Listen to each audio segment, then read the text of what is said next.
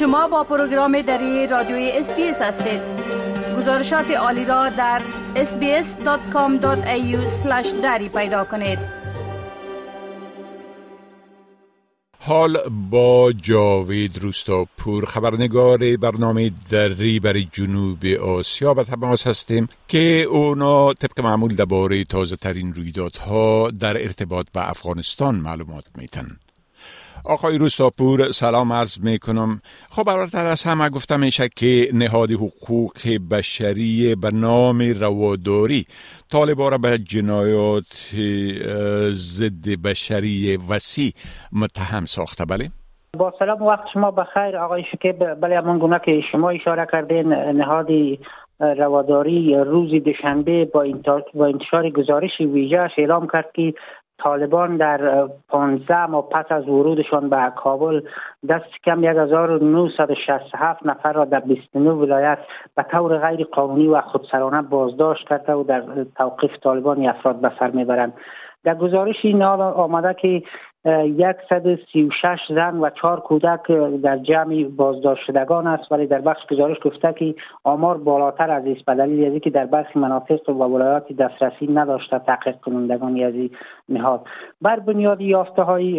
ها و معلومات نهاد حقوق بشری طالبان پس از بازگشت به قدرت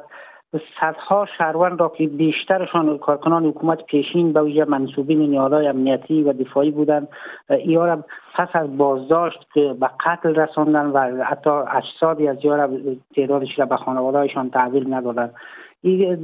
به همین ترتیب گفته که فعالان مدنی خبرنگاران مدافعان حقوق بشر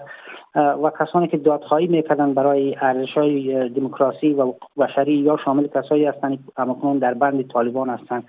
رواداری گفته که طالبان به ده ها مورد ازدواج های اجباری در گفته یا در یک سال گذشته قماندانهایشان سرکردهایشان گفته انجام دادن و برای بار دوم و سوم ازدواج کردن که بیشترشان ازدواج ها اجباری بوده و حتی یا زوج ها قبول نداشتن و یا خانواده های از یا به هیچ عنوان قبول نداشتن. به همین ترتیب گفته که قتل های مرموز توسط قماندان های طالبان امکنون به شدت جریان دارد. روادی در بخش دیگه گزارش تاکید کرد که طالبان رهبران طالبان با بالای قماندان های محلیشان در ولایات یا گفته اعمال نفوذ ندارند و حکومت ملک توایفی در افغانستان ایجاد شده. که این مسئله بسیار وحشتناک است و به گونه مردم افغانستان زیر شکنجه است و اعمال ضد بشری طالبان قرار دارند. این در حالی که پیش از هم نهادهای دیگه سازمان, سازمان ها و نهادهای حقوق بشری همچنان طالبان را به نقض سریع و گسترده جنایات حقوق بشری و اعمال خشونتبار و از جمله تعلیق کار زنان و آموزش زنان و آزادی بیان همچنان فلج ساختن آزادی بیان متهم کرده بودند ولی طالبان هیچ تاکنون کوتاه نیامدند. بله خب گزارش ها میگه که استادای پوهانتون ها در افغانستان از ملل متحد تقاضا کردن که به خاطر مقابله با خودسری ها و مظالم طالب با صرف با گفتن حرف بسنده نشون بلکه عملا دست به اقدام شوند. بله؟ بله دقیقا شماری از استادان پنتونا به شمولی به شمولی وزیر تحصیلات عالی حکومت پیشین در نامه سرگشاره به دبیر سازمان دبیر کلی سازمان ملل متحد خواهان فشار بیشتر بر طالبان شدند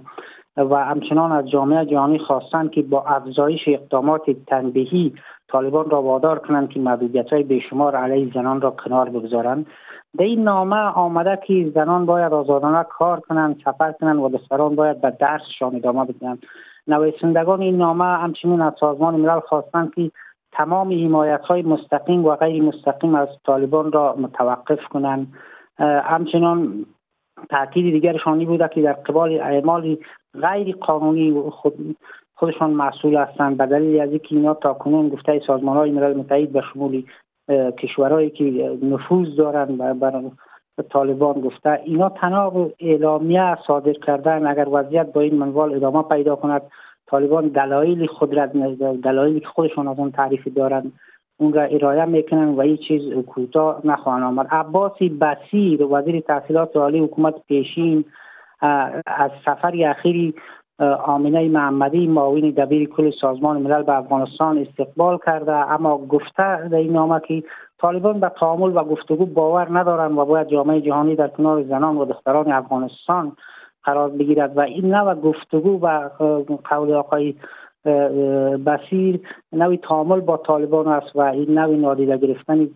ظلم است که طالبان بر زنان و دختران افغانستان روا میدارند. طالبان تا کنون درخواست جامعه جهانی و مردم افغانستان را پاسخ ندادند و گفتند تاکیدشان است که آنچه شریعت گفته ما به اساسی از او تعامل خواهیم کرد بله خب از شیوع یک مرض ناشناخته شده در مناطق پامیر ولایت بدخشان گزارش شده میشه که در این باره یک مقدار معلومات بتین؟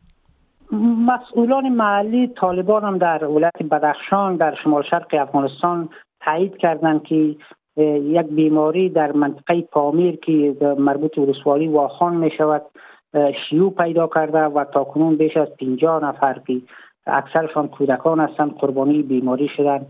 دکتر شرافت زمان سنگوی وزارت صحت عامه طالبان هم گفته که در این بیماری در نتیجه سردی هوا به وجود آمده که بیماران عمدتا نفس تنگی دارند.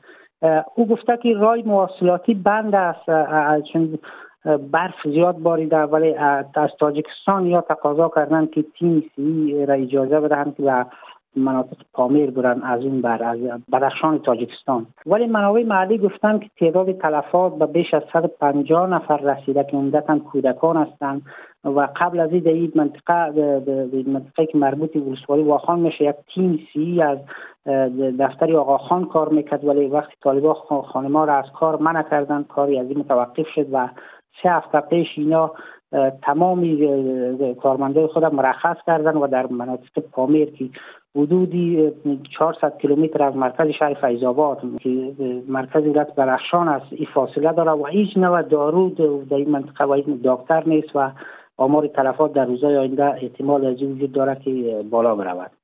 بله خب بسیار تشکر آقای روستاپور از این معلوماتتان و فعلا شما را به خدا می سپارم روزتان خوش. وقت شما هم خوش خدا حافظ و ناصرتان با